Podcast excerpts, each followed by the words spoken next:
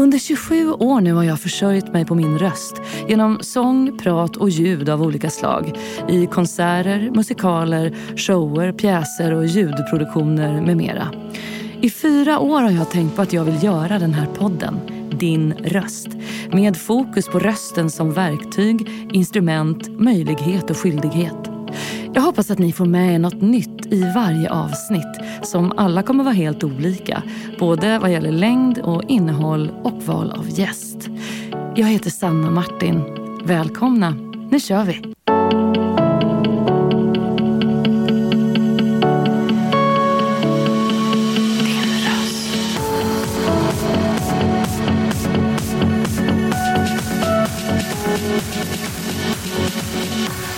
Din röst. Då börjar vi Staffan. Helt enkelt. Ja, har du sjungit upp? Ja. Men varmt välkommen till min podd Din röst, Staffan Olsson. Stort tack. Det känns väldigt kul och inspirerande att få vara med här. Vad kul! Jag är jätteglad att du sa ja. Och det är så roligt för att jag insåg det idag, det här, eh, när jag skulle gå hit idag, att det här kanske är det ämnet som jag har liksom, ja, belyst så att säga. Eller, eller den här, din bakgrund som handbollselitspelare, liksom, det, är då, det är ingenting jag är speciellt bra på kan jag säga. så att det, hela den här handbollsvärlden, så här, nu har jag ju läst massor och kollat på klipp och så, det är jätteroligt. Ja. Min enda relation till handboll det är att min äldsta dotter tränade handboll i ett par år när hon var ganska liten. Okej. ja. Eh, Men annars är det liksom lite blank spot för mig. Men vi ska prata eh, lite mer, desto mer om att det inte är en blank spot för dig. Det var som att kastas rakt ut för en brant klippa när jag tackade ja till att vara med. Det var jobbigt både fysiskt och psykiskt. Det gäller att kunna hantera alla situationer och att bjuda på sig själv och inte ta allt så allvarligt. Rädslan för att jag skulle göra bort mig var påfallande stor. Jag har också svårt för att både se och höra mig själv på TV. Detta har du sagt och det är från en intervju från 2019 inför din medverkan i Mästarnas mästare på SVT. Och då tänker jag att efter så många år med intervjuer under en lång påpassad offentlig karriär, har du nu vant dig vid att höra din egen röst?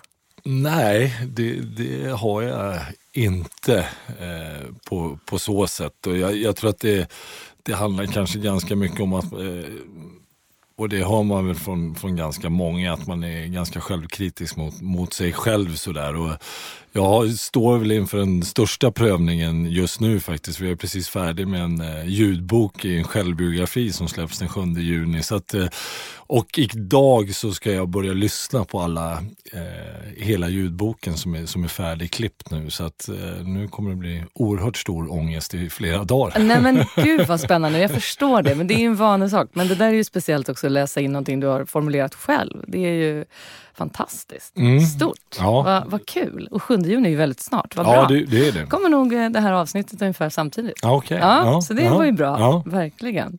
Vad har du för relation till att använda din röst och prata inför andra människor? Nej, jag, jag, jag, jag har väl en ganska stor relation till det med, med tanke lite på det som du var inne på att man har gjort väldigt mycket intervjuer men framförallt så blir ju rösten eh, väldigt viktig när man blir tränare.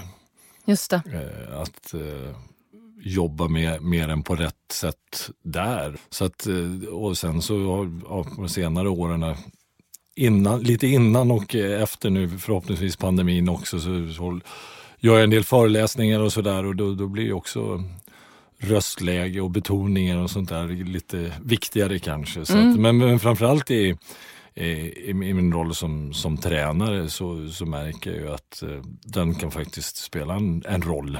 Verkligen. Både hur du pratar och vad du säger såklart. Ja, Mm. ja. Men du har ju föreläst en del. Eh, jag tänker när du var yngre. Hur var du då med att ta plats och liksom stå inför folk och snacka?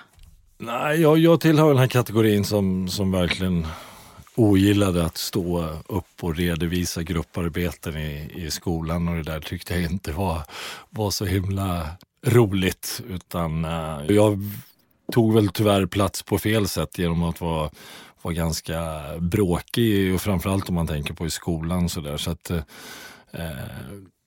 jag, jag har en ganska alltså jobbig relation till, om man nu kan använda det uttrycket, men att jag, jag, jag visste nog inte riktigt hur jag skulle ta plats kanske när, när jag var yngre. Och då blev det framförallt i skolan kanske på fel sätt att man blev den som inte gjorde som läraren sa eller avbröt vid fel tillfällen och, och såna här saker och var all, allmänt jobbig.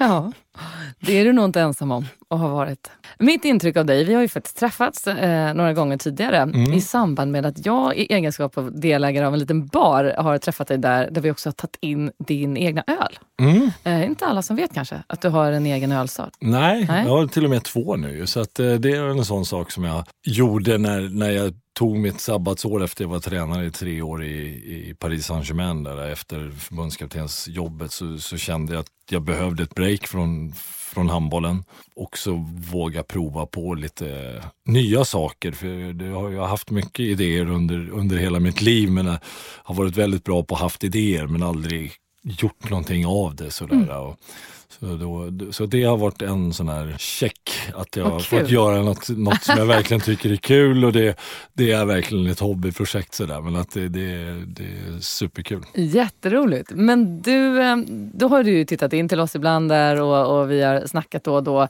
Och, eh, som sagt, jag har inte haft en så stor stark relation till din idrottskarriär tidigare och jag har inte varit liksom en enormt handbollsintresserad människa. Men det är ju verkligen tydligt tydligt att när du kommer in i den där lokalen och det är mycket folk där, speciellt män, du har ju en impact. Folk blir liksom lite så här, du får ju någon form av man crush på det här. Liksom. Staffan Olsson kommer in, enters the building. Och min intryck av dig är väldigt mycket att du verkar vara lugn, eftertänksam och tålmodig både med människor och saker som du har varit med om i ditt liv. Och när jag har sagt till folk att vi ska ses så säger ju alla legenden, handbollslegendaren, stjärnan, kungen, allt det där. Vad titulerar du själv dig som idag? ja, det, det är en bra fråga och det, det var väl eh, lite roligt och det, det, det, är väl bara jag som tycker att det är kul. Men att det, vad säger man, förintrot på, på alla ljudbokssidor nu har ju kommit ut att den här boken ska släppas och då står det faktiskt Staffan Olsson författare. Eller finaste titel jag någonsin har haft. Så att, eh, men jag går inte omkring och kallar mig författare. Det, det, är, så, det är så kaxig har jag inte blivit än. Men, men att, just nu skulle jag kalla mig själv lite för eh, diversehandlare. Ja, Håller precis. på med lite, mångsysslare. Ja, mångsysslare. Lite, ja. lite allt möjligt, lite här och lite där. Hur såg din fritid som barn ut innan du hittade handbollen? Ja, jag, jag, kom i kontakt med idrott rent generellt kan man säga vid, vid tio års ålder. Ifrån med tioårsåldern när jag, och då kom jag i kontakt med väldigt många idrotter. Jag är uppvuxen i Märsta utanför för Arlanda, utanför Al, eller ja, vid Arlanda för de som inte känner till Märsta. Sådär. Men, eh, och det, sen jag kom i kontakt med all idrott och jag har nog provat på de flesta sporterna som, som fanns i, inom Märsta, eller Sigtuna kommun faktiskt med både individuella idrotter och, och lagidrott. Och innan det så ja, då lekte man väl och latchade med kompisar sådär som, som en åttaåring gör. Och sen, sen jag kom i kontakt med idrott så, så har det styrt väldigt mycket av min, min fritid. Och du berättade innan att du var lite så här småbråkig, eller att du ser tillbaka och, och ser dig själv så. Var idrotten någonting som liksom hjälpte det att stå tillbaka? Att du liksom blev lite helare så att säga när du började idrotta? Ja, jag, jag kallar väl eh, alla idrottsplatser men framförallt om den handbollshallen som fanns i Ekelhallen som, som jag tillbringade oerhört mycket tid i. Och gick väl dit även när jag inte hade träningar för att ha något att skylla på att jag inte gjorde läxorna. mitt andningshål så där, där, där jag trivdes väldigt mycket och hade jätteschyssta kompisar och, och allting sådär. Så, så det, det var verkligen min oas i, i, i, i, livet då så att säga. Det var idrottsplatser. Mm. Hur kom handboll att bli din sport? Ja, det, det är ju, om man pratar verkligen om, om tillfälligheter så, så är det i klass 4 så kommer en eh, tränare, ledare från Skåne IF och eh, frågar, de ska bilda, eller köra så här klassturnering i hela Märsta och frågar om vår klass var intresserad av att bilda ett lag och ställa upp i den här klassturneringen. Och eh, det var ingen i vårt lag som spelade handboll och jag kommer inte från några föräldrar som har spelat handboll eller, eller någonting. Men vi var ett gäng killar som var generellt väldigt idrottsintresserade. Så vi, vi anmälde oss ett klasslag där och eh, då spelade vi en, en hel lördag där och mötte massa olika klasser från från Märsta då. Och sen så var det ju ledare, tränare från Skåne IF där som gick runt och pratade med oss och frågade om vi ville komma på, på klubblagsträningarna då så att säga. Och, eh, jag gjorde tio mål i min första handbollsmatch. Jag tyckte att det var jättekul så att jag tackade ja med en gång. Så att, men, eh, men så att det är verkligen en, en tillfällighet. Och det här tycker jag var ett väldigt smart sätt av, av handbollen att göra sådär. Och som jag är uppvuxen så, så var det ungefär likadant både i fotbollen och i, i hockeyn. Att man, man bildade liksom kvarterslag. Och så spelar man en internserie i Märsta, så man spelade ihop med dem som man bodde väldigt nära. Och sen så var ja, Märsta IK eller eh, ska säga, de har bytt namn så många gånger i hockeylaget men jag tror de hette RA73 på den tiden. eh, och då gick de och snappade upp och tittade och frågade om, om du ville komma och spela i, i, det, i verksamheten. Då. Så det, det tycker jag var ett väldigt smart sätt att uh, locka till sig ungdomar. Vi, vi kommer prata mycket om det här med ungdomar och idrott och vad det gör med oss människor. Men det är, när man bara lyssnar på vad du berättar så är det ju eh, otroligt egentligen vad det kan göra med ett barn att dels känna sig sedd och känna att man överraskande kanske inför sig själv var duktig på någonting. Men att sen också få komma med i ett sammanhang, man blir tajtare med dem man bor nära och så vidare som du säger. Det, det är ju liksom en en del av att hitta ett fritidsintresse som är så himla mycket större än bara det intresset. Alltså det blir sån enorm impact på hela det livet. Ja, det, det är det ju verkligen. Och jag, jag ska ju absolut inte liksom springa och säga att jag, att jag var någon, någon värsting eller så som man sa på den tiden. Men jag tror ju att det, det höll oss ju borta från, från väldigt mycket andra kanske dumma saker som man skulle ha gjort annars. Och det, det såg man ju kanske på de som som inte hade den här samhörigheten någonstans, oavsett om det var handboll eller någonting, så, så, så var det ju svårt att, att sysselsätta sig på, på kvällar och helger. Och här blir det ju också att, ja, har du en viktig match på, på söndagen så då ser du ju till att du sköter det på lördagen så att säga och, och, inte gör så mycket annat bus. Idrotten och, och många andra saker som, som, framkallar det här gör ju en oerhört stor samhällstjänst också. Inte bara om man tittar på att, att jag hade den turen att, att nå ända upp till världstoppen så att säga så, så är det ju många som, som har känt den här samhörigheten under sina ungdomsår. Mm. Om jag nu har eh, läst och förstått det hela rätt så började du alltså spela då, som du sa i Märsta när du var 10 år och sen när du var 15 så värvades du från Märsta till en klubb i Stockholm mm. där du, eh, Cliff hette den va? Ja. Och när du då, där du som 19-åring kom med i klubbens A-lag och det var 1983 och 1986 så kom ni med i Allsvenskan. 1989 så flyttade du till Tyskland och blev proffs. När skulle du liksom säga att den här vägen började stakas ut som en möjlighet att faktiskt kunna bli proffs? Ja, det, det är nog ganska sent in på det där. För att, eh, jag tror att jag var den tredje eller fjärde svenska spelaren som flyttade utomlands i, från början så att säga. Jag har sagt tydligen, har min, påstår min mamma, att när jag var 11-12 år att jag tyckte inte skolan var så viktig för att jag skulle ändå bli proffs i handboll och då hade jag ingen koll på att, för det fanns ingen proffsliga som jag visste om ens en gång. Så att, det, men det, det känner jag att det, det var nog mer en, en skydds faktor för att jag tyckte det var jobbigt att jag, mm. hon tyckte jag skulle vara, sköta mig lite bättre i skolan kanske.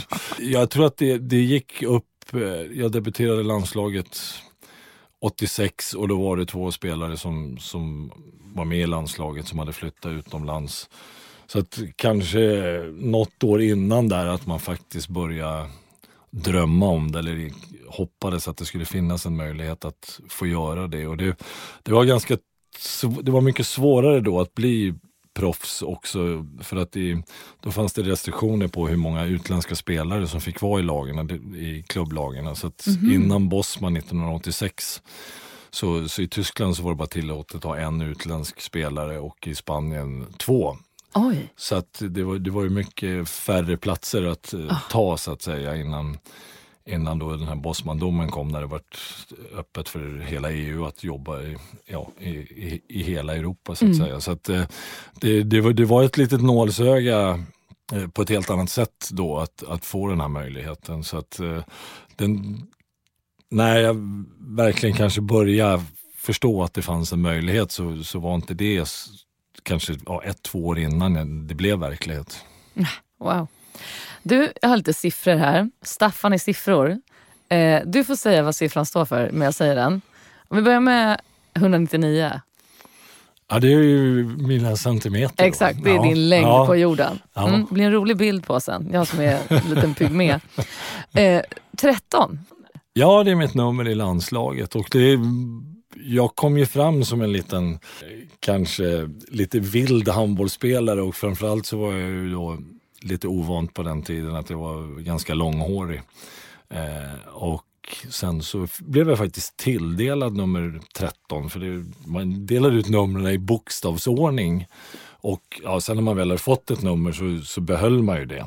Men så att eh, det, det, det tillföll, 13 tillföll mig. Eh, och jag gjorde inga reflektioner överhuvudtaget över det. Men sen så, så blev det här att jag var kaxig som vågade spela ett otursnummer och, och såna här saker som, som, som inte jag... Sen, sen var det en rolig grej och då tänkte jag, ja men det här är ju det här är lite coolt ändå att de, de ser det på så sätt. Ja. Så att det, den hängde med mig i 18 år i landslaget. 358. Ja, det är väl antalet landskamper. Ja, precis. Och 855. Mm, det är ju målen i landslaget. Ja, vilket är helt bisarrt bara att tänka den som sitter och räknar ihop alla de målen. Men, eh, nej, men det är ju helt, det är ju hisnande siffror Staffan. Tycker inte du själv det när vi ens reflekterar över det? In, inte för att ta skott. Inte kantavslut. Ja, det går ju bra, men inte skott. Jag vill inte ha skott. Nu åker en till ut, eller vad håller han på med? Nej, Eh, det är 11 sekunder kvar. Har inte för bråttom nu. Här kommer Staffan Olsson. Så kommer skjuter Staffan i mål! Ja, det är otroligt bra. Det, det har väl kommit lite med, med faktiskt de, de, sena, eh, de senare åren nu att, att man, jag har börjat reflektera mer över och att, ja, som jag var inne på, att jag spelade 18 år i landslaget. Det är en, det är en otroligt lång tid egentligen. Ja, nej, jag, jag reflekterar nog kanske inte, eller tänker inte på det så himla mycket mer än att jag har nog kunnat tagit till mig att jag är oerhört stolt och, och väldigt lycklig över att jag eh, har fått vara med under den här perioden med, med alla fantastiska framgångar och faktiskt varit delaktig i det och kanske också även bidragit med, med vissa saker. Så att, absolut känner jag en, en, en stolthet över det. Men att jag, jag, tror att det, jag tror att det är ganska vanligt bland idrottsmän och idrottskvinnor att eh, under tiden så, så är det, när man, när man väl har vunnit en gång så vill man så himla gärna vinna igen. Och eh, då tror jag att, i vilket fall kanske många av oss svenskar i, i min ålder tänker att ja, man ska fan inte tro att man är något. Nu gäller det att bevisa det igen. Tyvärr så tilläts inte jag i vilket fall att njuta så himla mycket under tiden. Det är klart när man har vunnit en guldmedalj så har det fest och jättekul i, i ett par dagar. Men sen efter en fyra, fem dagar så, så börjar liksom, ja men nu är det nästa grej, nu är det nästa grej. Nu får, Ja. nu får jag inte tappa fokus, nu, nu får jag inte skena iväg, jag får inte tro att jag är, är svinbra utan nu, nu gäller det att börja jobba igen. Men, men jag tror ju någonstans så, så är det det som gör att man också lyckas vinna en gång till tror jag. Så jag inbillar mig det i vilket fall. Hade jag stannat upp och njutit och blivit skitkaxig där så, så då tror jag inte jag hade kanske tagit nästa medalj. Nej, så att säga. Så att, men om det är sant eller inte vet jag Nej, inte. men det, det är en men- vettig reflektion, men- absolut. Alltså. Och 12 medaljer har det blivit från stora mästerskap. Mm. Eh, två VM-guld, ett VM-silver, två VM-brons, fyra EM-guld och tre OS-silver. Det är ju, det är, att ha upplevt det, eh, när du reflekterar över det idag, vad väcker det liksom för funderingar och minnen hos dig? Nej, det, det väcker nog, alltså, självklart så, så tänker man på när slutsignalen går och framförallt då när vi, när vi har tagit gulden. Men, men mest minns man den, den tiden som vi hade ihop och vilken sammanhållning vi hade. Och vi, många bra kompisar som, som jag hade och en del av dem har jag ju kvar fortfarande som, som vi har blivit vänner för livet. Och, några av de här som Stefan Löfgren, Magnus Wislander med flera spelade ju även ihop i, i sju år i, i TV Kiel och Stefan Löfgren och jag bodde grannar i, i sex år och blev ja, väldigt familjära vänner och sådär också. Så att det, det, men det är mycket sånt tror jag när, när det kommer upp på tapeten som, som man tänker tillbaks till på glädje. Med, och att man har fått vara med och uppleva så himla mycket. Mm. Finns det ögonblick i ditt eget sinne och minne som liksom är stunder som verkligen sticker ut? Som du nästan kan återuppleva i kroppen när du tänker på dem? Ja, nu, nu har ju de kommit upp vid, vid flera olika tillfällen. Men, men det, det är väl ja, både början och slutet av, av medaljskörden som väcker mest minnen med, med VM-guldet 90 i Prag. Då, det första när vi slår Sovjetunionen väldigt överraskande. Och som var väldigt överraskande för oss också och som var ett, ett startskott för, för hela Bengan Boys-perioden så att säga. Och sen så att jag får, får uppleva att ta ett eh, EM-guld eh, på hemmaplan i Globen inför en fullsatt eh, Globen med 15 000 personer är, är ju också något som som är svårt att glömma, jag på säga. Men det, det, det, det är en fantastisk upplevelse att få, få vara med om det. Mm. Uh, finns det ögonblick som du minns som extra tuffa eller motiga under den här tiden?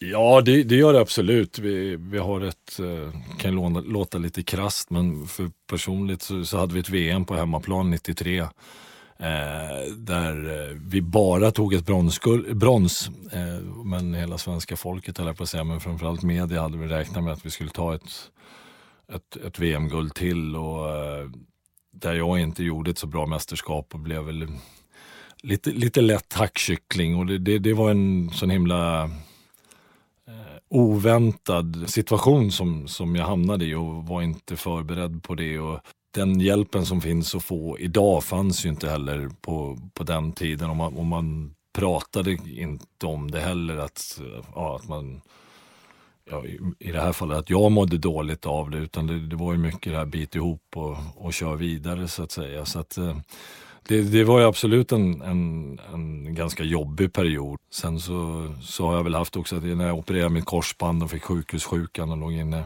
sex veckor på, på Danderyds infektionsavdelning med, med ett helt öppet knä så att säga och jag visste inte om jag skulle kunna spela vidare handboll, vilket kan låta banalt mm. nu. Och det, det, det är väl också en här sak som jag kanske, kanske kan skämmas över nu med, när, när jag låg där på Danderyd och den läkaren, eh, infektionsläkaren var absolut inte idrottskunnig eller intresserad. Så det var min första fråga när man upptäckte stafylokockerna i knätet.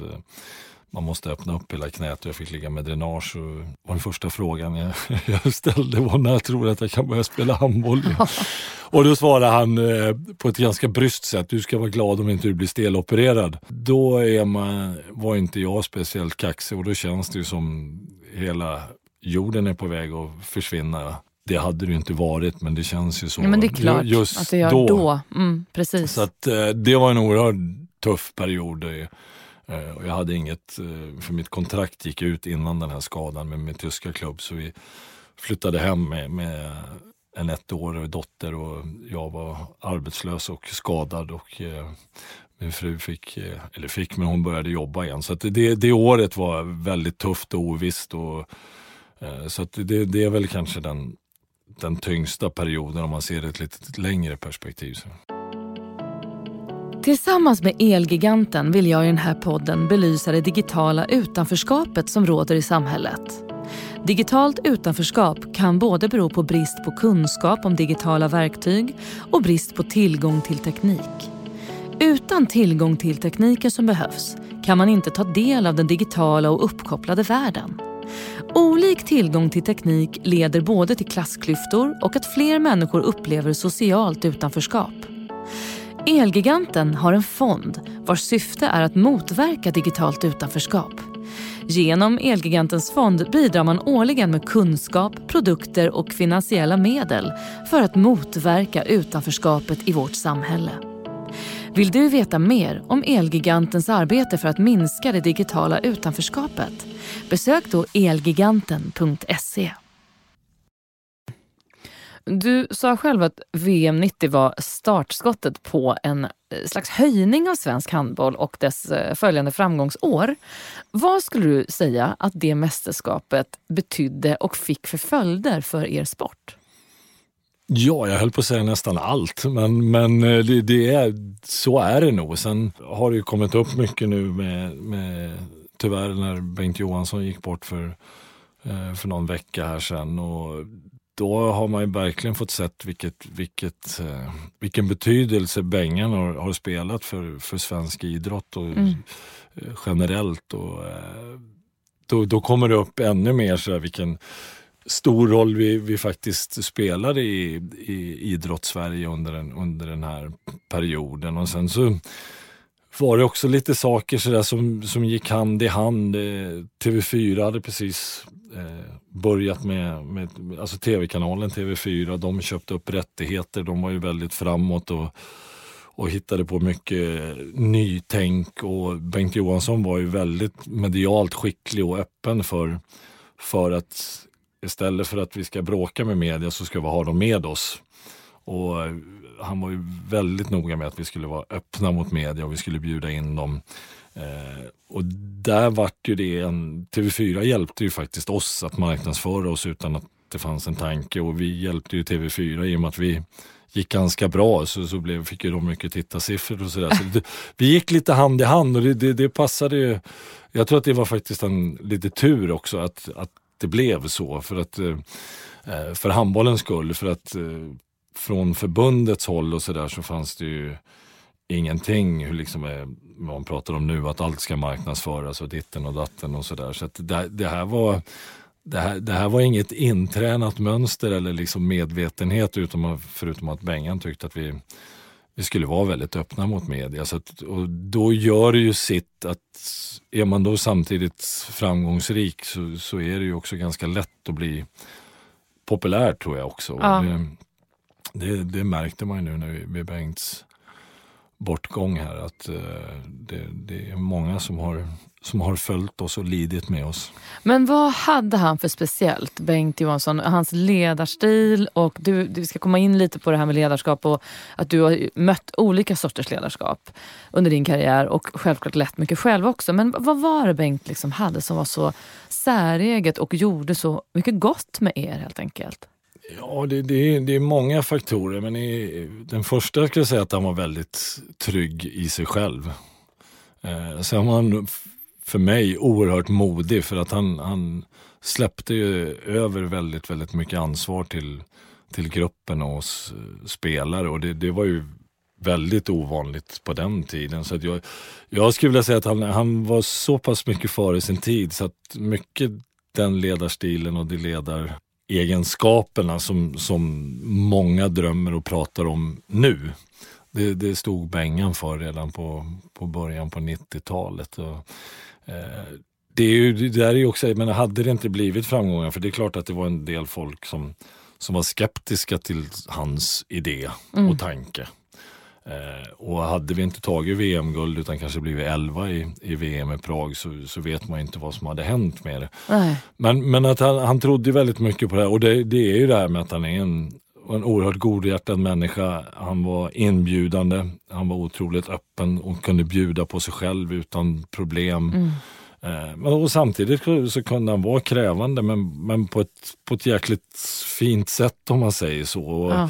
var ju väldigt mån om om både personen och eh, också även familjerna. Nu var kanske i början av, av den här tiden så kan kanske inte var så många som hade familj, men vi hade ju flickvänner och sådär. Han såg ju till att vi hittade på mycket saker och bjöd in flickvänner och fruar och familjer senare också så till till läger och vi hittade på massa andra saker runt om handbollen för att eh, ja, vi, vi, vi, skulle bli ett gott gäng och han sa att handbollen det, det är ni så duktiga på. Vi, vi, måste också se till att vi trivs och har kul och att vi blir en enad grupp. Och det, det var nog hans eh, absoluta styrka var att även de här killarna som kanske knappt fick spela någon under ett mästerskap ändå kände sig sedda och att de, de fyllde en funktion i, i laget även om det inte då kanske var alltid på plan. Nej, just det.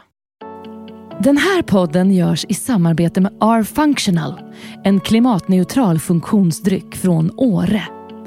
De vill i allt de företar sig göra det de kan för att ta ansvar för vår miljö och framtiden för vår planet. De vill att människor idag ska kunna leva och bo i samhällen fria från skadliga ämnen i både jord, luft och vatten. R-Functional tror på att ge människor tillgång till törstsläckande drycker, lokalt producerade i Sverige, framställda på naturligt mineralvatten och berikade med naturliga ingredienser. Genom ett för miljön minimalt belastande sätt levererar de fossilfritt från sin tillverkning i Åre och ut till sina kunder i resten av Sverige. Allt för att göra så små avtryck som möjligt på den här planeten och för att vi och nästa generation ska kunna känna naturens krafter även i framtiden. Läs mer på rfunctional.com. Men vad, det här begreppet Bengan Boys, mm. kan du inte berätta lite om det och hur det kom till? Och ja, det, det, det vet, det vet jag faktiskt inte hur det kom till eller när det kom till men det, det borde väl ha varit efter några mästerskap eh, när vi slogs om medaljerna. Så att jag har faktiskt ingen koll på när, när det liksom blev ett, ett begrepp Nej. sådär. Det, det, eh, ja, jag kan inte säga när, när just det skedde tidsmässigt. Nej. Nej, jag förstår. Du har berättat att du föddes med ett hjärtfel och du opererades en gång när du var i 15-årsåldern och sen ytterligare en gång eh, 2008 när du fick en ny hjärtklaff. Hur var det här att under alla dina aktiva år, eh, när du visste att det var något med hjärtat, var det någonting som ständigt fanns med dig på plan och utanför? Eller kunde du ha tillit till att det var bra och att du kunde köra på? Ja, det, det, det, det kunde jag. Och jag hade ju då ett, ett eh, medfött eh, hjärtfel så, så, att jag har ju gått på, på kontroller varje år under, under mina ungdomsår så att säga. Och, eh, jag, jag, kommer egentligen inte ihåg de här kontrollerna något, något specie, speciellt sådär förrän jag började bli 14-15 år. Och eh, läkarna uppmanade alltid, då, på den tiden var det ju mer att de hade kontakt med mina föräldrar. Ja. Att det, det, var bara bra att han idrottade och rörde på sig. Men sen så hände det någonting när jag fyllde 15.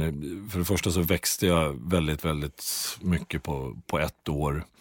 Och man upptäckte att den här eh, klaffen hade, ja, vi ska inte gå in på allt för komplicerade saker, men att, att den hade växt ihop lite i den här trekanten som slår kan man väl, kan man väl kalla det. Och eh, då sa läkaren åt min, min mamma och pappa att eh, antingen får ni prata med er son att han börjar samla på frimärken för då behöver vi inte göra operationen. Men vill han fortsätta idrotta så, så måste vi göra den här operationen. De tyckte väl att det var ett jobbigt beslut men de, de insåg ju rätt så snabbt att vi, vi, kan inte, vi, måste få fortsätta att idrotta. Och det mest fascinerande över det var, för sen, för sen så hade jag, var jag med på, på träff med läkaren och så sa han åt mig att ja, någonstans mellan, när du är mellan 40 och 45 så kommer du behöva byta din klaff. Mm. Och när man är 15 så känns ju det, det är ju oändligt långt borta. Ja. Man kan inte ens tänka att man ska bli så gammal då tror jag. och det han sa då, att du, det kommer gå jättebra för att den teknikutvecklingen och medicinska utvecklingen går så mycket framåt så att du kommer få en jättebra klaff då. Och det stämde ju till och med, alltså när jag var 43 så fick jag ju reda på att det var dags att byta klaffen. Mm. Så att han, han var oerhört pricksäker. Men för att komma tillbaka till det så, så jag har aldrig egentligen, de två gånger jag mått som sämst och blivit mest på min om att jag har ett hjärtfel, det är ju direkt efter operationerna. När I och med att de skär i, mm. isär hela bröstkorgen och sådär så är man inte speciellt kaxig. Så att peppar peppar, eh, jag har aldrig märkt av det och jag under hela min, min handbollskarriär så, så har jag gått på årliga kontroller även de åren när jag var utomlands. Så, så kom jag hem på somrarna och gjorde de här checkarna. Så jag kände mig oerhört trygg och de sa hela tiden att det här är lugnt, du kan fortsätta idrotta och sådär. Så att, eh, eh jag har aldrig märkt av att jag har haft ett hjärtfel än så länge. Så att, eh, och det, jag, jag, jag, har varit med på lite sådana här läkarseminarium nu där och får berätta min patientresa. Och framförallt när jag var de åren i Tyskland så, så har jag nog förstått i efterhand att hade jag varit född i något annat land så är det inte säkert att de hade tillåtit mig att spela handboll utan sagt åt mig att jag skulle sluta och det har jag diskuterat med några läkare här i, i Sverige också. Att eh, det är väldigt personberoende på hur modig eller bra koll den läkaren mm. har som, som du hamnar hos. Så jag hjälper ju till och försöker stötta i den mån jag kan med hjärt och lungfonderna och vad du pratar med, med föräldrar som har barn med medfödda hjärtfel. Och där stöter man på en hel del föräldrar som är lite förtvivlade att de har eh, deras barn har blivit stoppade från, från idrott. Man, eh, jag, jag har inte blivit så kaxig så att jag kan ställa nöd. Jag, jag är väldigt passiv där när föräldrarna kommer och säger att tror att han kan spela handboll eller ah, idrotta ja. så bara, ah, det var nog läkaren ah, att jobbigt. För att det, det finns ju massor med med parametrar. Ja, ingen som... historia är en annan lik. Liksom. Nej, Nej. Så att, eh, så att, men jag hade nog också lite tur att jag, jag hade en så pass kunnig läkare som, som följde mig under den här resans gång. Också. Mm. Och du kom fram till att det var läge att sluta. Det var 2005. Ja. Eh, ja. Och när du då gick ifrån att vara aktiv och slutade spela så blev du tränare.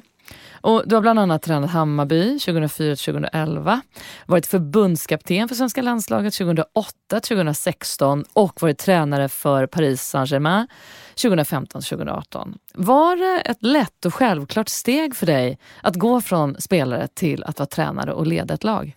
Det var, det var inte självklart. De, mina två sista år som, som spelare så, så spelade jag i, i Hammarby. Och eh, år nummer två så, så fick jag frågan av, av Magnus Gran som var, som var tränare i Hammarby om jag var, eh, ville hjälpa till lite med att assistera honom i anfallsspelet samtidigt som jag var spelare. Och jag, jag hade ingen plan på att bli tränare utan väldigt konstigt med vid 40 års ålder och inte ha någon plan att man vet att man ska sluta. med.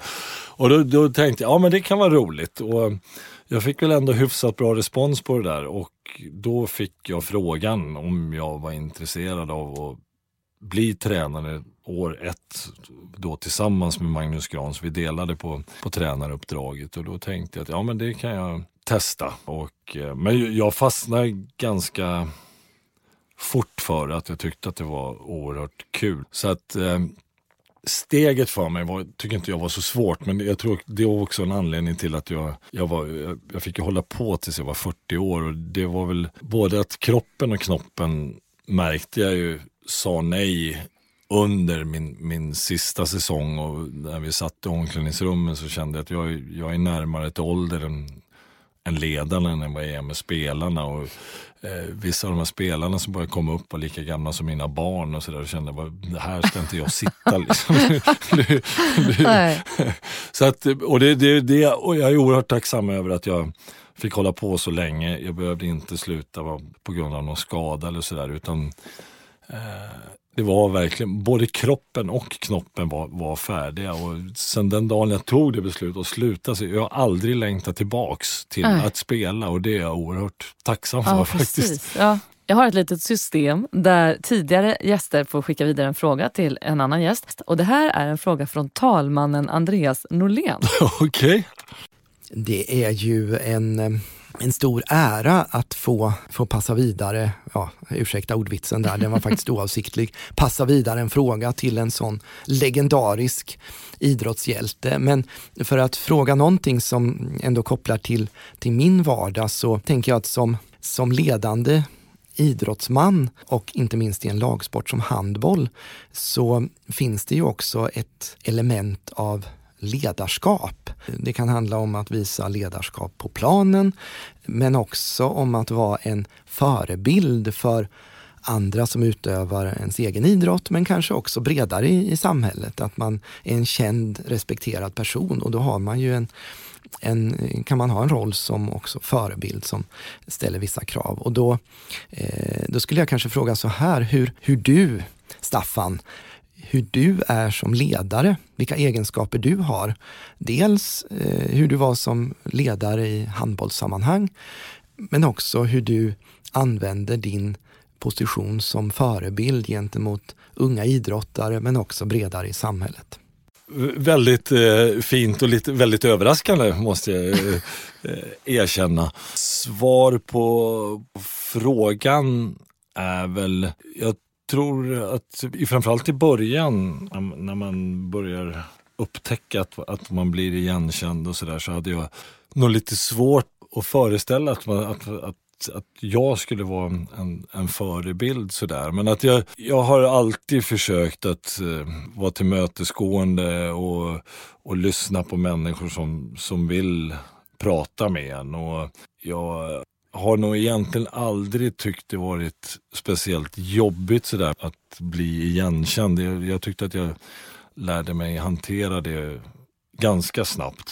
Så att där, där känner jag att jag, jag har nog försökt just med att vara igenkänd och det, att, att inte vara grinig eller vara tjurig eller liksom visa att jag tycker att det är jobbigt att bli igenkänd för då, då hade jag kunna valt att kanske fortsätta att samla på frimärken så hade inte någon känt igen mig. Så att, eh, det är ytterst sällan jag har tyckt det varit jobbigt eh, utan Eh, accepterat den rollen. Som ledare på sidan om och i övrigt så, där, så, så tycker jag att det för mig har det varit viktigt att visa att man är ödmjuk och väldigt tacksam inför för det jag har fått vara med om. Och då framförallt ungdomar som, som ser upp till mig så, så tar jag mig oftast tid till dem och ja, pratar med dem om de vill det. Eller nu för tiden. Så, så, det är ovanligt många ungdomar som känner igen mig fortfarande, vilket jag har lite svårt att förstå. Men då är det mycket selfies och, och sådana här saker. Så att, eh, jag tror att det, för mig har det varit viktigt att inte ja, vara kaxig helt enkelt. Mm.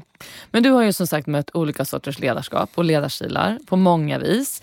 Vad tror du själv på vad gäller att leda i en idrott som handboll till exempel?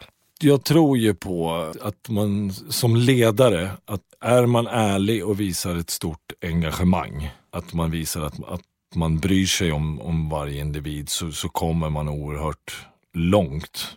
Sen under min period som spelare så var det ju vanligare med lite mer auktoritära tränare än, än vad det kanske finns. Det finns inte lika många i vilket fall nu. Därför var ju Bengt Johansson ett väldigt unik i sin stil och jag menar det, vi spelade ju ihop med, med spelare i Kiel till exempel med, med spelare från många olika länder och de undrar vad, vad håller ni på med där i Sverige? Det liksom, ni går på teater och opera och hittar på massa bus. Och, fan är ni inte seriösa och, och sådär. Och, och under den här perioden så hade jag en extremt auktoritär ledare i, i TV Kiel, Noka Sedarucic, som bestämde precis allt. Där, där han inte överlät någonting till, till spelarna. Eh, och det är väl lite, så att jag ibland kan skämmas över det. Att jag, jag trivdes väldigt bra med båda ledarstilarna. Noka Sedarucic är en av de mest framgångsrika klubbtränarna genom tiderna med med massor med Champions League-titlar och, och tyska, 11 tyska ligaguld och Mm-hmm. Det, det, blir eh, en, en liten sådär mix av, av känslor ur hur man kan nå framgång. För det, det finns för det är ju ofta så man blir mätt som tränare i, i, i ett elitsammanhang så att säga. Bengt Johansson, om man nu får använda det som en mall och, och dit vi är verkligen på väg i, i svensk idrott rent generellt nu med det ledarskapet som, som innefattar väldigt mycket humanitära saker, om man nu kan uttrycka sig så, mm. eh, är ju det, det är klart eh, finaste om man säger så. Eller ja, jag vet inte om det blir rätt ord, men, men, men att, sen så är det ju det här liksom bara, ja, eh, vad, vad, mäts man i framgång så, så är ju det också ett, ett, ett verktyg. Så att det jag försöker säga nu eh, är att jag, jag tror att det är väldigt viktigt att man hittar en ledarstil som man trivs med själv och där man känner sig trygg. Ja. Sen så tycker inte jag att det är så himla farligt att vara auktoritär, åtminstone ibland. Nej. Eh, det, det är absolut inte för ibland får man känslan av att man, det är jättefult att vara det. Ja, vi har ju blivit lite rädda för det generellt tror jag, ja, med lärare ja, och Ja, men det är min ja. känsla och, jag, och mm. jag menar inte att man ska vara dum eller elak nej, för nej. att man är auktoritär. Men, men ibland kan det också behövas att det är någon som, som faktiskt visar väldigt tydligt vart vi ska gå här. Ja, det. I det här. Ja. Och för mig spelar det en stor roll hur sammansättningen ser ut i gruppen. Eh, har jag ett ungt och oerfaret lag så är, är min bestämda uppfattning att då kanske jag behöver vara lite mer auktoritär Mm. än om jag har en grupp där många har egna erfarenheter, man är lite äldre, eh, man har upplevt mycket mer saker. Ja, då, är det, då har inte jag heller några problem att överlämna saker och att man får en gruppdynamik med diskussioner och sådär. Så att jag, jag tror att det är faktiskt väldigt viktigt att man kan vara lite situationsanpassad som, som, som ledare där. Mm. Och jag funderade en del på det där eh, med gruppdynamik eh, inför det här samtalet med dig. Eh, när ett lag ska vilja samma sak och sträva mot samma mål, vad händer då om liksom någon blir skadad eller någon får spela mycket mer eller mycket mindre? Du sa själv att det var viktigt för Bengan att se till att de som inte alltid spelar kände att de var varmt välkomna in i gruppen och var med och gjorde roliga saker och så. Men det är ju ändå så i ett lag att vissa individer står för kanske mer mätbar framgång än andra ibland. Och hur får man då ett lag som är i ständig rörelse att liksom vara ett lag och att gruppdynamiken liksom ska vara okej okay i allt det här? Ja, det, där spelar ju ledaren då en, en, en jättestor roll Ja. i och med att man, man kan vara väldigt tydlig med, med rollerna i laget och att eh, alla spelare accepterar den rollen. Men sen så, och här kan det ju vara lite skillnad, eh, eller det är skillnad mellan att vara klubblagstränare och, och tränare för ett landslag också. För ett klubblag trä- träffar du varje dag. Eh, Du har större möjlighet att, att jobba med gruppen på, Mm. på, under en längre sikt. Och där vill du, där, för den balansgången blir ju väldigt spännande för samtidigt som du vill ha tydliga roller men du vill ju att nummer två på den positionen ändå ska utmanas den som är nummer ett för att det, man vill att båda ska bli bättre. Ja. Och då gäller det att hålla båda dem i, på gott eh, humör så att säga. Så att, eh, men, men jag tror att eh, den här gruppdynamiken är att, väldigt mycket med att man, att man lyckas med att vi har ett gemensamt mål.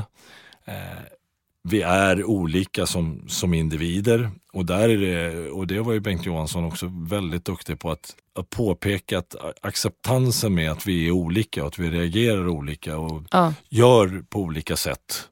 Och det är ju inte så att vi var 16 stycken som var superpolare under ett helt mästerskap. Vi blev ju också sura på varandra och hade olika uppfattningar som, som överallt annat i, i samhället så att Ja. säga. Men att det ändå finns en respekt för varandra.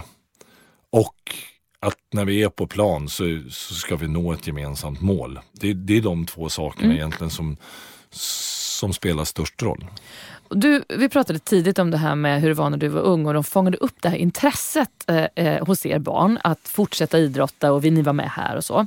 Och när jag tänker på hur det kan vara för barn och unga som idrottar idag så är det ju många idrotter som är så resultatinriktade för ganska små barn faktiskt. Och det kan ju göra att man tappar lusten om det är svårt att bara ha en aktivitet för att det är kul. Så är det så mycket moment som ändå innehåller tävling. Hur ser du på den här biten? Ja, nu jäklar. Eh, Sätter du det till rätta? nej, men om man backar bandet lite så, så då när jag tog det här sabbatsåret, vilket eh, så, så var ett av mina första mission var att eh, jag var den enda i familjen som inte hade högskolepoäng. Och då höll jag på och sa jag till mina barn lite skämtsamt, nu jäklar ska jag skaffa högskolepoäng. Men så upptäckte jag att jag kommer ju inte komma in på någonting med mina betyg. Så att, eh, men då hjälpte faktiskt mina barn mig och då hittade de en, en eh, 7,5 poängs kurs ifrån eh, Linnéuniversitetet i Växjö där, eh, som heter Talangutveckling ur ett coachperspektiv inom idrott. Då, eh, där man kunde söka in på meriter. Så där kom jag in faktiskt och har mina 7,5 poäng på högskola. Men det som var så himla intressant med det och något som, som jag har brunnit och känt för innan det och fick det bekräftat på ett, på ett väldigt bra sätt. Med, för det är ju väldigt, om vi pratar om de här lagidrotterna, så, så hockeyn och fotbollen och även handbollen så pratar man om de här supertalanger och det är talanger och megatalanger och allt vad det, vad det är. Och tittar man på, på all forskning och det finns väldigt mycket, framförallt utländsk forskning om det här, så, så, så är det, allt påvisar att ja, men det är så himla viktigt att få med så många som möjligt så länge som möjligt. Även när man pratar om talanger. Ah.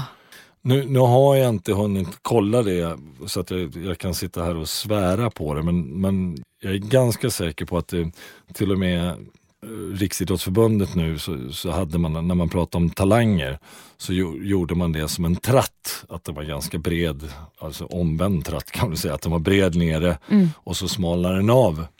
Så här. Men nu har man ju ritat om den så den är som en box. För att man har, det är så himla viktigt att få med så många som möjligt så länge som möjligt. Ja. det, det just om, om man tittar på handbollen då, jag vet att fotbollen och hockeyn är i ungefär samma genre, att man har de första landslagsselekteringarna till exempel när de är 14-15 år. Och eh, där tittar man på killsidan så, så det, kan det vara en otroligt stor skillnad på eh, hur långt det har kommit in. Ja, Vissa har inte ens kommit in i puberteten och andra är, är färdigvuxna. Ja. Tjejerna är oftast lite tidigare. Eh, men, och där, så egentligen så tar du ju ut individer på, på fysiska egenskaper.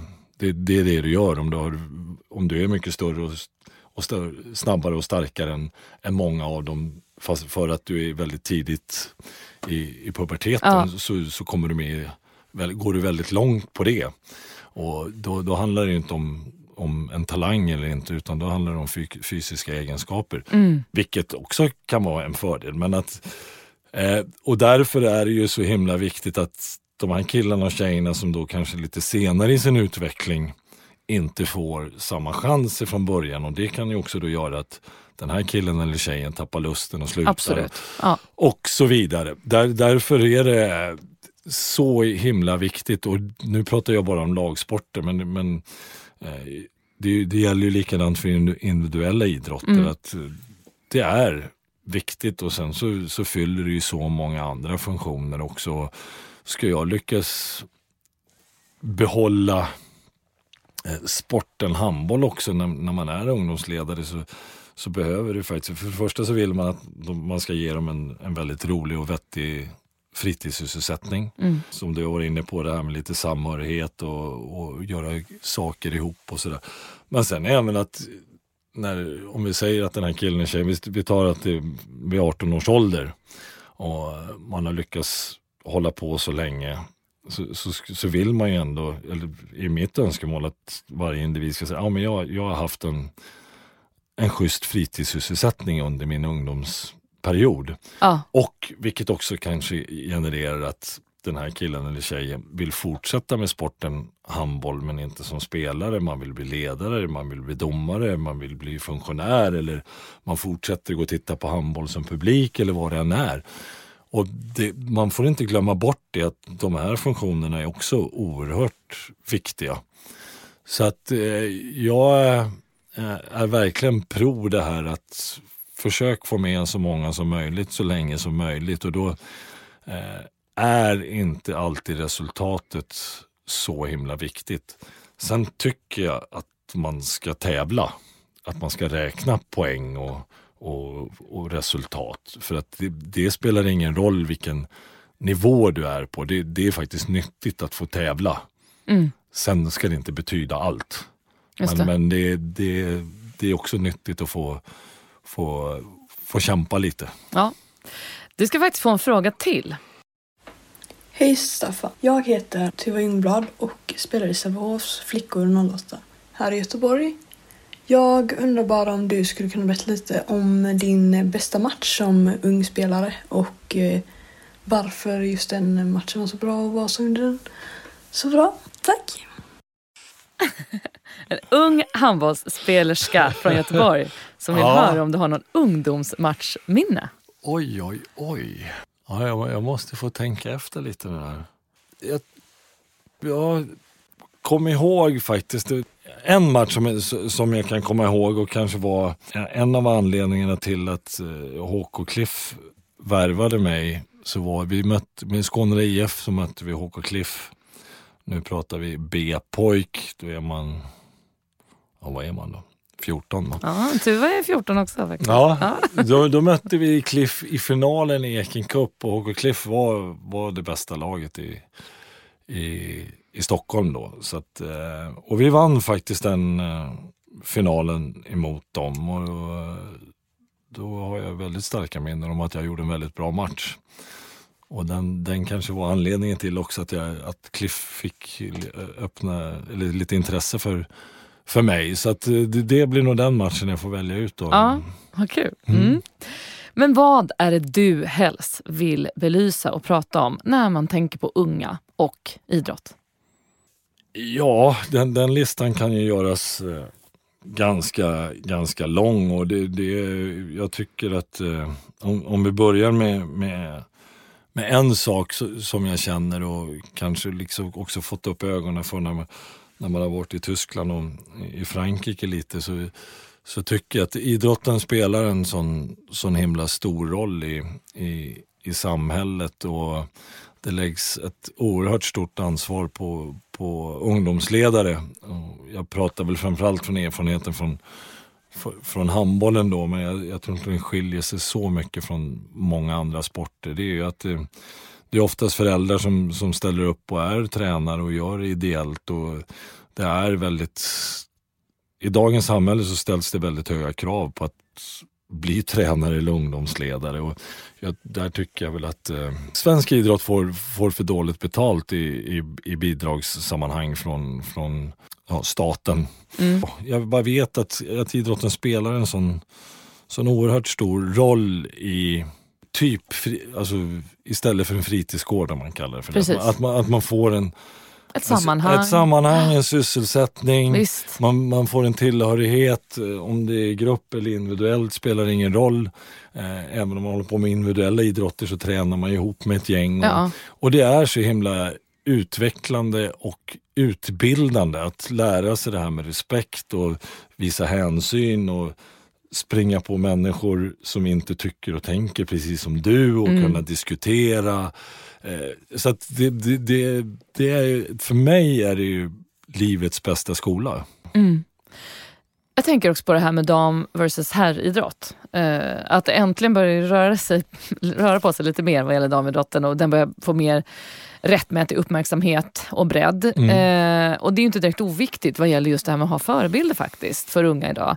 Eh, att ta rygg på. Mm. Vad tänker du om hur det har sett ut under din karriär med herrar och damer och hur det faktiskt ser ut nu?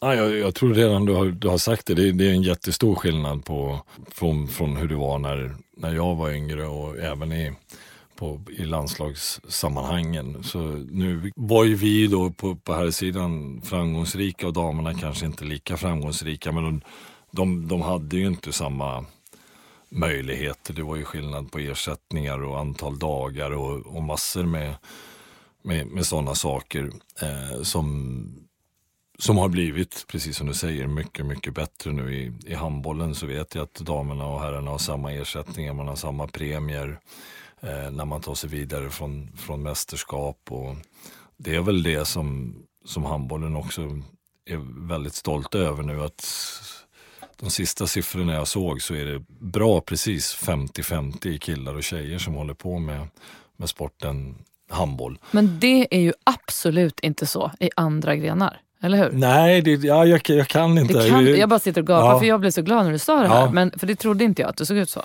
Nej, men. Det, det, är klart att det inte är så i fotboll, det vet vi ju absolut ja, att det inte är. Och, eh, men samtidigt är det viktigt att man överhuvudtaget tar upp det. Och säger att du, bara att du känner till att det ser ut så här. Och när du kom in här i lokalen så var det någon som påtalade att det var någon match idag och du visste exakt vilken match det var som damerna skulle spela. Och så det, bara att ha det här engagemanget och det här ögat på sporten från det hållet. Att, att det faktiskt är på väg att hända något och att den utvecklingen är liksom nödvändig för att Tuva till exempel som spelade in sin fråga ja. till dig ska vilja fortsätta. Mm. Och liksom, ja, att vi inte kan acceptera riktigt att det ska gå tillbaka i alla fall. Får vi nej, ja, nej, absolut. Och, och där är det ju så, du, du är inne och berör det så himla bra. Just, just med förebilder. För att det, och det, det, det är ju, återigen till, till den här forskningen så, så är det ju bevisat att många tjejer lägger av mycket tidigare än killar. Eller ännu tidigare, att man tappar så många eh, i tidig ålder. Jag tror man har den största brytet där, där tjejer eller flickor lägger av. Jag tror att det är redan vid 11-12 års ålder eller något sånt där. Och, och killar kanske något år senare. Mm. Och det, är- det är ju där vi behöver sätta in resurserna. Och det, det händer så himla mycket på det här. Jag, jag följer i, i flera hänseenden här och nu vet jag att det, det är eh, en psykolog tillsammans med en, med en idrottspsykolog som håller på att göra, eh, ta fram ett frågeformulär som man ska ta ha till ungdomar där man ska komma fram till varje individs motivation, varför håller på med den här idrotten. Ja. Och kunna få det som ledare och veta att eh, Britta håller på för att hennes två bästa kompisar spelar. Mm. Eh, det är ju jättebra för mig som ledare. Att få, ja. Ja. men då vet jag hennes motivation och då får jag styra det efter det Ah. och acceptera det. Och så kan man kanske prata om de här sakerna i gruppen också. Och framförallt om kanske den, den, den största eh, jobbiga delen i det här med föräldrar. Eh, så att det börjar ju hända så himla mycket. Men det är såna här saker som idrotten behöver få resurser och pengar till för att det fyller en sån himla stor funktion. Och tänk bara att kunna få 20-30 procent till hålla på tills de blir 18 istället för 11. Vilken, vilken samhällsinsats det är. Och man har också en större chans att eh, flera barn ska, ska, ska, som jag var inne på förut, att när man är 18 och summerar någonstans sina ungdomsår att ja, men, jag har haft det jäkligt roligt på min fritid. Ah. Ja, men vi kommer in på det här, det är ju valår i år. Och en stor del av att jag gör den här podden är ju att jag brinner för att skapa mer dialog och mer förståelse oss människor emellan. För att jag tror att den yttersta sortens opinionsbildning faktiskt är den som helt enkelt får folk att tänka efter. Oavsett vad det gäller. Ehm, vad skulle du säga att du vill vara med och påverka idag? Ja, i, i den månen så är det väl det här med idrott och, och hälsa. Absolut. Det, det är så lätt att sitta här eller och uppleva, uppfattas som, som lite gammal och, och gnällig och det, det vill jag verkligen inte vara. Men jag, jag tror bara på den skillnaden att eh, på, på min tid så hade vi tre gympalektioner i, i veckan. Jag jobbade lite grann på ett handbollsgymnasium precis när jag kom hem till Sverige på, på handbollsträningarna på på, på förmiddagarna. Nu är det ju här ett antal år sedan och det har säkert också skett lite för- förändringar där. Men då, då fick man ju höra att man kunde välja att ha gymnastik A en termin. Sen hade man ingen mer gymnastik på resten av sina tider man går på gymnasiet. Och det fick ju mig också känna att det, och jag tror att nu, nu har väl det där gått i Nej, våg. vet du, det är så. Min dotter slutar så. ettan på gymnasiet nu Ja. och de så att säga tentar av sin idrott nu Ja. och kommer inte ha idrott i tvåan, trean. Ja. Och jag blev ju bara helt matt när jag förstod det också. Men, så att du, tyvärr, det har inte ändrats. Nej.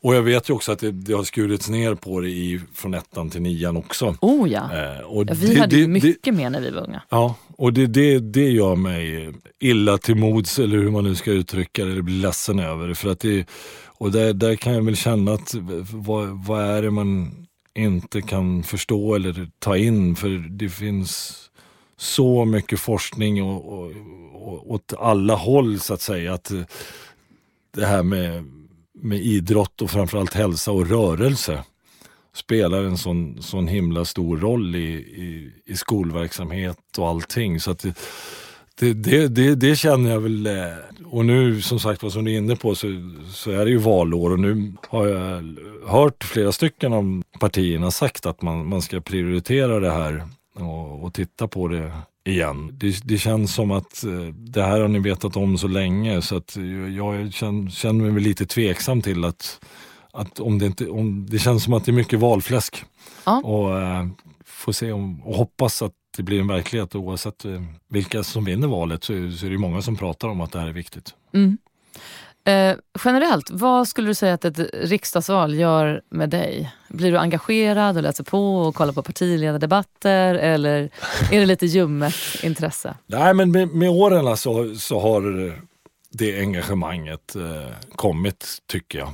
Jag försöker så länge jag klarar höll jag på att säga och lyssna på de här partiledardebatterna. Och jag, jag, vet inte om det är lite tråkigt när jag säger det, men att jag, jag har lite svårt för när, när de här debatterna blir bara, man ska bara tala om hur dåliga de andra är. Ja, och, och då, då, då tröttnar jag ganska fort jag har ju kommit fram till att man får läsa partiernas partiprogram så att säga för att få reda på egentligen vad de står för. För de där ledardebatterna är, för mig handlar det om att det blir, handlar om 80 procent att tala om vad alla andra har gjort för fel. Men de svarar inte så mycket på vad, vad de själva ska göra åt det. Nej, jag skriver under på allt du säger. Du har två vuxna barn. Eh, har du pratat mycket med dem inför att de skulle liksom börja rösta när de blev vuxna och peppat dem i att känna efter vad som känns rätt för dem? och sådär? Är det här någonting ni har diskuterat hemma?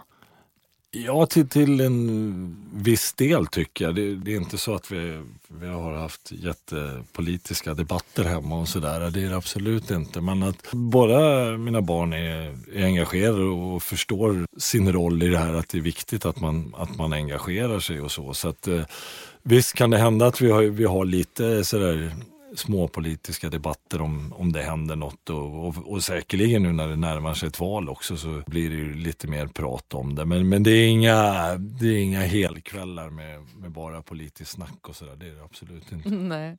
Vad skulle du säga att du helst vill att dina ungar ska få med sig ut i livet från dig? Det är ju en väldigt bra fråga. Jag känner att jag blir väldigt glad när, när man märker att ens barn har ett stort engagemang, man har empati, man, man bryr sig om sina kompisar och engagerar sig i när folk har det sämre och när det är sådana saker. Så att, eh, och sen så tycker jag att det är faktiskt också ganska viktigt att man är ärlig. Det blir väldigt diffust att säga att man är, ska bli en schysst människa. Men, men sådana saker, att när man märker att de blir upprörda när det är orättvisor och sånt där. Det, då blir jag glad när mm. de reagerar på så sätt.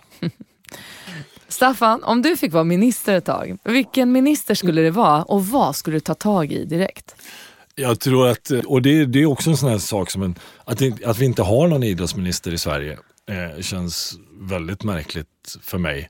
Eh, så att eh, då skulle jag lätt vilja hoppa in i den kostymen ett, ett litet tag. I vilket vi fall. skickar den passningen till alla partier. och, eh, nej, jag, jag, tror att det är de här sakerna som, som vi har berört eh, mm.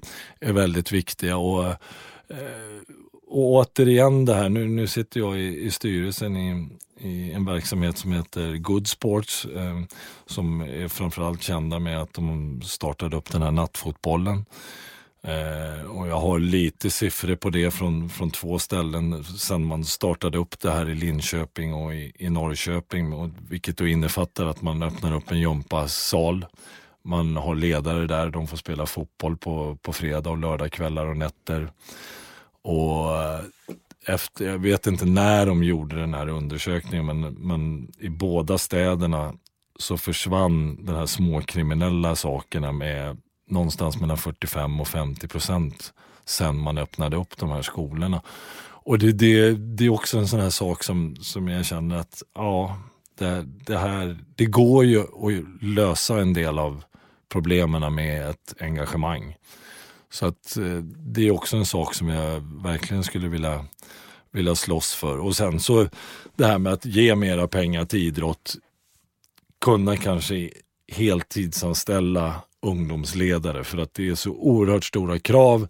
Man kan utbilda dem i, i många, många fler hänseenden än att bara vara en jätteduktig fotboll eller handbollstränare för att kraven är så mycket mer att du ska vara en bra ledare och, och kunna jobba med ungdomar på, på ett sätt som, som spelar en oerhört stor roll. Så att eh, jag skulle verkligen kämpa för att eh, få mycket pengar till sådana saker som, som spelar en så stor roll i, i samhället. Tack snälla Staffan för att du ville komma till min podd och för att du ville höja din röst i de här viktiga frågorna och även bjuda på härliga glimtar från din långa inspirerande karriär. Det var jättekul att prata med dig. Tack snälla, det var jättekul att vara här. Tack snälla för att ni har lyssnat återigen. Tack Elgiganten för att ni vill vara med och stötta det här projektet. Och tack också till R-Functional. Tusen tack Casting by Smile för att vi får podda hos er. Tack PO för att du gör ljudet lite bättre. Och tack Ingmar för den fina musiken. Vi hörs igen. Hej!